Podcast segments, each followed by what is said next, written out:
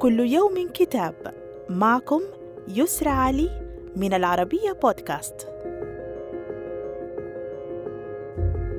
كتابنا اليوم بعنوان كتب عربية ألهمت العالم من تأليف الباحث سامح كريم. يسلط فيه الضوء على قضية التأثير الإيجابي للحضارة العربية الإسلامية على أوروبا في القرون الوسطى في الأدب وفنونه لا سيما الملاحم والمسرح والشعر. ويلاحظ المؤلف أن التأثير العربي على أوروبا انطلاقا من الأندلس كان نتيجة طبيعية لحالة من التعايش والتناغم الثقافي والسياسي بين مختلف المكونات الدينية على مدار قرون عدة.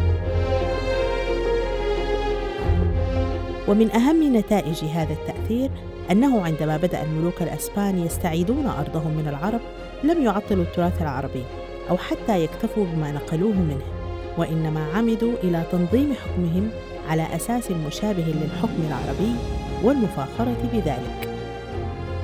صدر الكتاب عن الهيئة المصرية العامة للكتاب في القاهرة، وإلى اللقاء مع كتاب جديد.